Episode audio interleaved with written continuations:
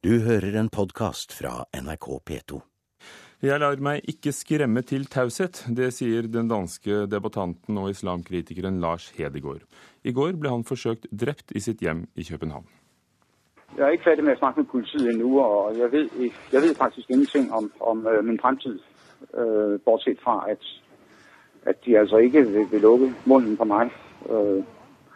Jeg vil fortsette med å skrive og si sannheten sådan som, jeg, sådan som jeg ser den, og vil ikke la meg intimidere til å, at holde mund. Det er det eneste jeg vet. Det eneste jeg vet, er at jeg ikke vil la meg ydmyke til å holde munn. Jeg vil fortsette med å skrive sannheten, sa Lars Hedegaard til Danmarks Radio. Reporter Ina Strøm, hva vet vi mer om hva som skjedde i København i går?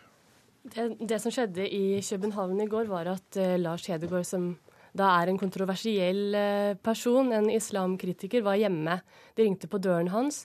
Han uh, gikk ned for å åpne. Der var det en som ga seg ut for å være et postbud, som hadde en pakke til ham, og som forsøkte å skyte ham. Og det oppsto håndgemeng mellom de to, og gjerningsmannen flyktet. Han er fortsatt ikke funnet, og politiet de leter nå etter ham.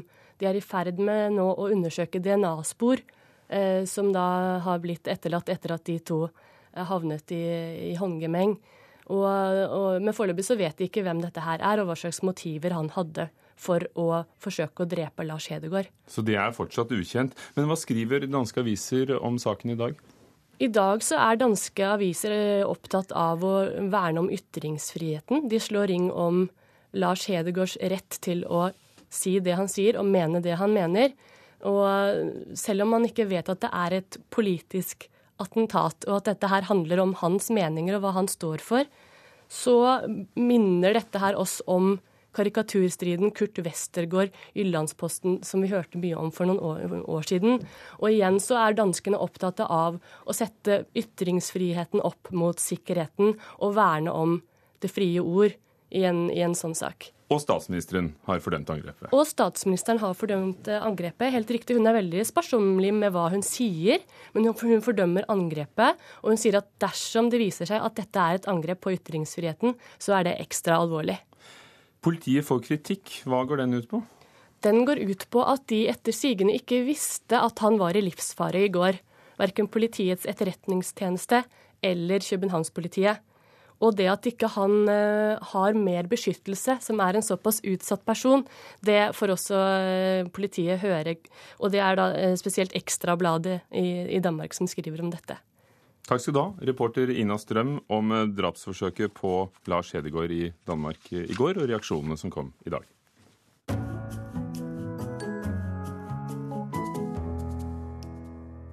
De som har støttet kunstneren Odd Nerdrum, jubler etter at Høyesterett i går opphevet lagmannsrettens dom i nettopp skattesaken mot ham. Høyesterett mener begrunnelsen for dommen var mangelfull. Derfor blir det nå ny behandling av saken. Jeg fikk ikke noe Sankt Olav, det har nesten alle de andre rundt meg fått. Men, men jeg fikk to år i fengsel. Jeg blir en kunstpolitisk fange. Kunstneren Odd Nerdrum kjente seg forfølgt da han gjesta Skavlan i 2011. Men nå har Høyesterett oppheva dommen fra Borgarting lagmannsrett fordi de mener han har vesentlige mangler. Det gleder kunstsosiolog Dag Solhjell, som har vært en av Nerdrum sine trufaste støttespillere. Nå har saken virkelig snudd til hans fordel. Eh, og eh, alt Nerdrum har sagt etter 2007 har vist seg å være sant. Også den tidligere Nærdrum-eleven Jan Ove Tuv gleder seg over avgjørelsen. Utrolig gledelig og eh, også overraskende, eh, med tanke på at eh, bevisførsel i tidligere rettssaker ikke har ført frem. Men nå har det vært så tydelig at de har måttet ta hensyn til det. Høyesterett mener lagmannsretten ikke har gjort godt nok greie for hva summer Nerdrum skal ha unndratt skatt. Spesialist i skatterett i advokatkontoret Skjøtt, Hugo P. Matre, er ikke overraska over utfallet. Resultatet er ikke så overraskende, fordi at eh, Nerdrum har jo allerede fått medhold i en sivil sak med mye lavere beviskrav. Slik at det gir god sammenheng når Høyesterett nå mener at beviskravene ikke er oppfylt i straffesak hvor kravene er mye høyere. Et av beløpene det er strid om, gjelder hvor mye penger Nerdrum satt igjen med etter flere overføringer mellom kunstneren og et galleri i New York. Det viser seg at det har gått pengestrømmer frem og tilbake. Og når man skal gjennomføre beskatning, så er det på grunnlag av det man sitter igjen med. Og Det blir nødvendig da å sortere ut hva som er overskuddet i disse pengeoverføringene. Og det kan virke som at Nedrum har blitt behandlet på et uriktig grunnlag så langt. Statsadvokat Erik Førde understreker at avgjørelsen til Høyesterett ikke frikjenner Odd Nerdrum, men at det betyr at han får en ny sjanse i lagmannsretten. Der ser Førde ikke bort fra at det kan komme fram nye bevis. Det som jo har kjennetegnet denne saken, er at uh, Nerdrum hele tiden har kommet med, med nye bevis eh, etter hvert som saken har skridd fram, og at det har vært eh, varierende forklaringer. Så at det kommer noe nytt også nå, det er ikke overraskende. Dag Solhjell vedgår at Odd Nerdrum kan ha gjort feil, men han mener i så fall at maleren må få tilgivning. Det kan være at han har innberettet et større beløp for sent. Det kan også være at han har innberettet et beløp til et galt land, men han har innberettet alt. Jeg mener også at eh, de to feilene som han muligens kan ha begått, bør tilgis ham. Reporter her var Espen Alnes. Og vi hørte Dag Solhjell til slutt, eh, kunstsosiologen. Odd Nerdrum selv sier at 'jeg er mer troverdig enn folk tror'. Det sier han til Dagbladet i dag, som har møtt ham i, utenfor Paris. Hvis rettsapparatet var en datamaskin, ville jeg vært frifunnet. Datamaskiner har ikke følelser, sier Nerdrum.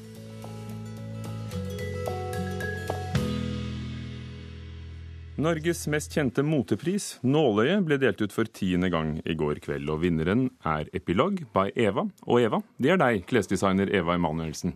Ja, det stemmer. Gratulerer. Tusen takk. tusen takk. Juryen mener at uh, du har laget en sterk kolleksjon med fokus på søm, passform og eksklusive detaljer. Den er helhetlig og gjennomtenkt, uh, og mange andre superlativer også. Hvordan vil du selv beskrive det du lager? Ja, lager, vi lager i utgangspunktet en kolleksjon for en sterk kvinne. Uh, som ønsker å stå fram og ikke er redd for å skille seg ut fra mengden. En kvinne som er opptatt av kvalitet og ting som varer. Hva skiller eh, dine klær fra andres? Og jeg sier dine, men Dere er altså flere designere, men, eh, men, det er du som har stått bak merket, som ble lansert første gang i 2004? Ja, jeg er sjefdesigner, og så har jeg med meg en annen designer som heter Charlie Selvik, som er kjempeflink. Hva skiller dere ut fra andres? Kan jeg se på gaten at å, det er en epilog? Ja, det håper jeg jo. Eh, vi ønsker jo i hvert fall å prøve å være sterke på silhuetten, altså selve konstruksjonen i plagget. At det er klassisk, enkelt, men allikevel så har plaggene små designeffekter, som f.eks. volumet. Eh, det kan være små designdetaljer av eh, snitt etc. Eh, kombinasjon av stoffer. Så vi ønsker jo selvfølgelig det, at man skal si dette er en epilogdrakt, eller dette er en epilogkjole. Men betyr det at dine, kanskje mer enn mange andre designere i dag, legger vekt på den klassiske sømmen og skal vi si skredderyrket? Ja, vi, vi, gjør nok det, og vi gjør nok, nok, kanskje mer enn det vi burde også, i forhold til at vi er ekstremt kvalitetsbevisste selv, vi som jobber med merket. Dere syns det, ja? ja, vi er det. vi er det, Og det er klart at det skal, det skal bli penger av det også, men man, eh, vi har en sterk kjærlighet for, for, for, stoffene og selve konstruksjonen og selve designet da, som vi brenner for, selv, selvfølgelig, så lenge vi er designere. Og det er jo alltid det spørs hvor langt man skal ta det i forhold til at det også skal bli eh, en pris som folk er villige til å betale. Eh, og at det også skal bli akseptert der ute, da. Så det er alltid en balansegang da, mellom å dra designet så langt du ønsker som designer, og så også kunne klare å stoppe og finne den eh, akkurat den fine mellomgangen der, da. Men dere har jo tydeligvis funnet det, for dere er altså i rundt 30 butikker i Norge. Hvor mange i utlandet? Ingen i utlandet for øyeblikket. Men hva skal til for å nå folk og, og finne den balansen og bli kommersielle? Ja, hva skal til? Eh, nå har vi holdt på i såpass mange år. og jeg tror eh, Det viktigste, i hvert fall som jeg føler nå, det er å være stødig. Eh, og stå for det vi, vi gjør, og ikke vingle.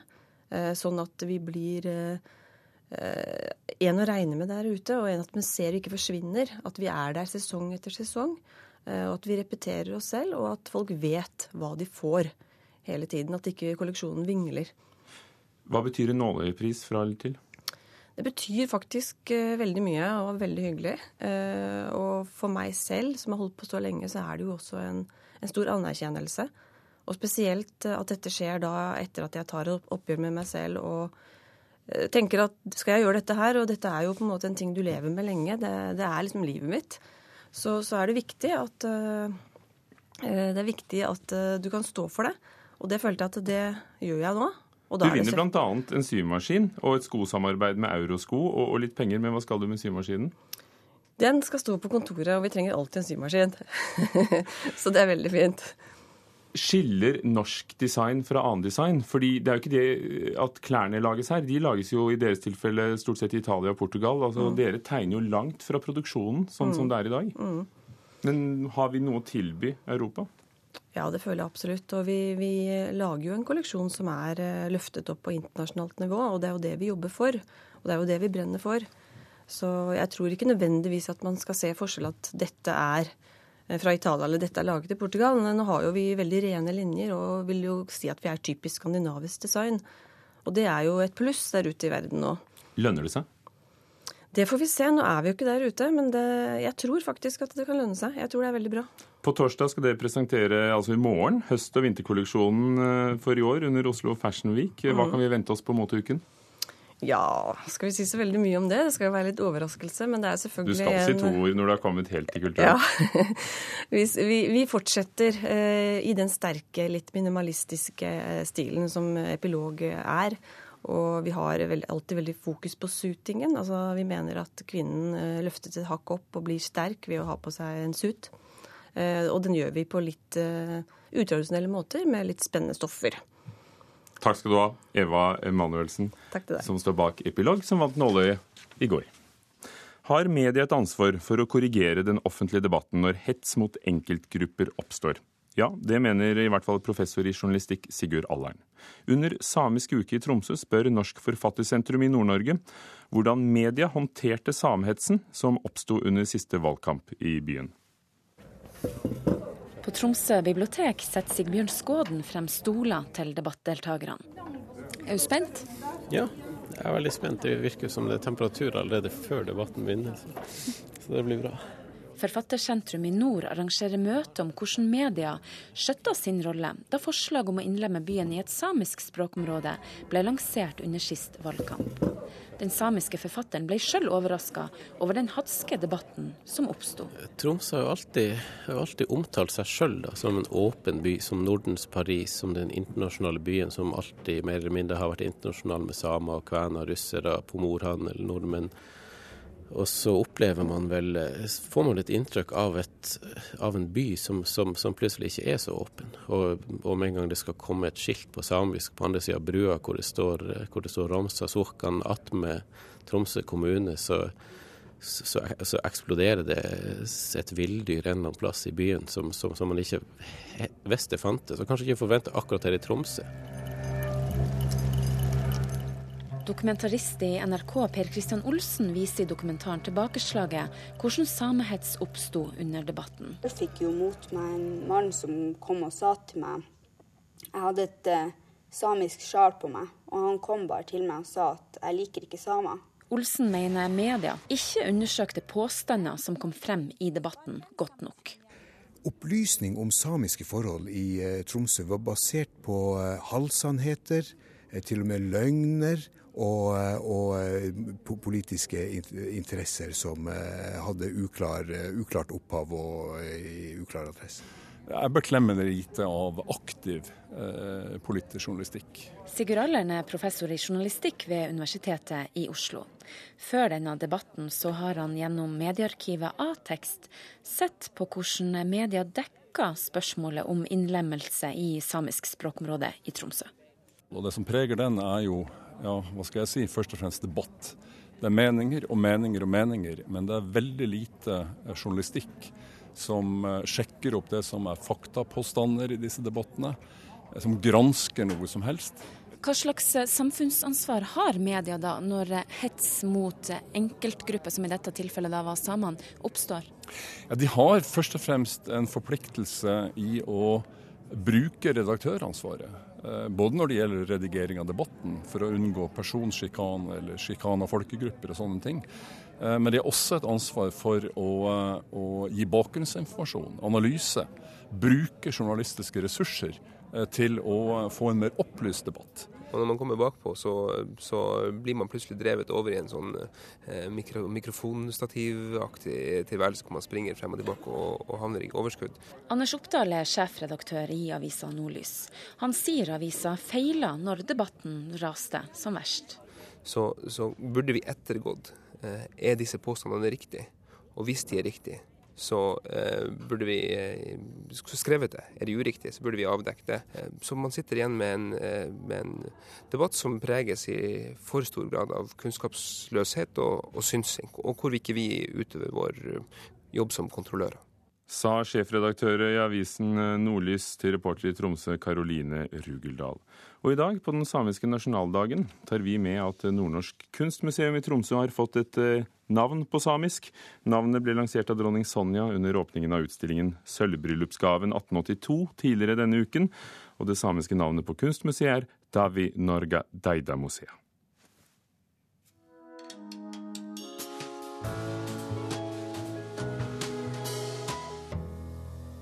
Den tyrkiske forfatteren Asli Erdogan droppet en karriere som fysiker til fordel for skrivingen.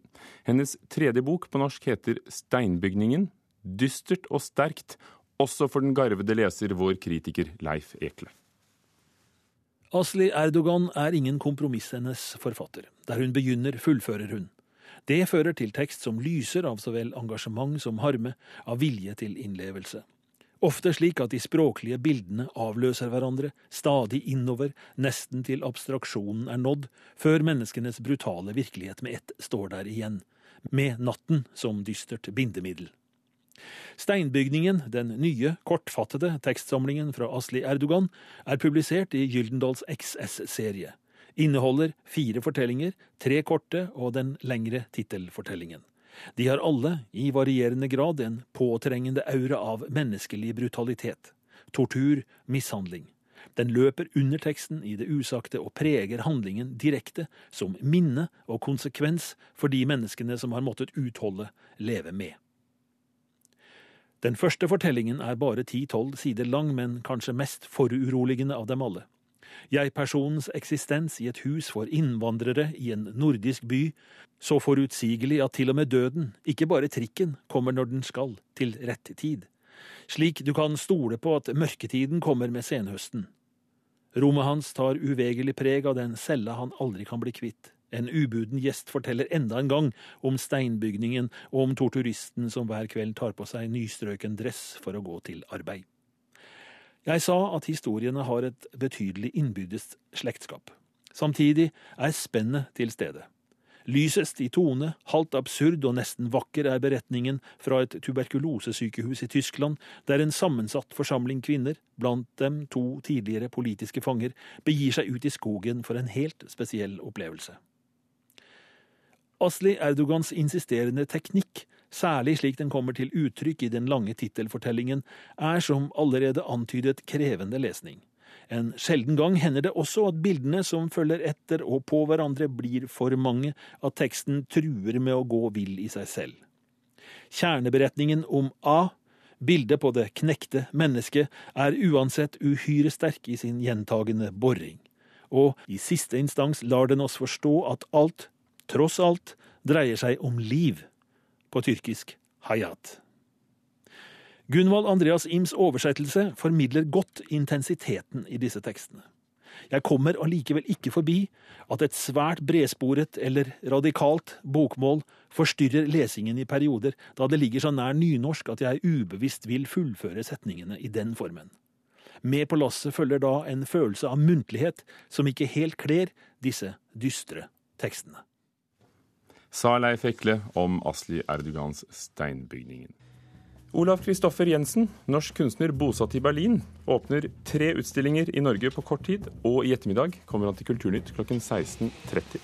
Denne utgaven var ved Hanne Lunås, Vidar Sem og Ugo Fermariello, og du hører på Nyhetsmorgen i P2 og Alltid nyheter. Du har hørt en podkast fra NRK P2.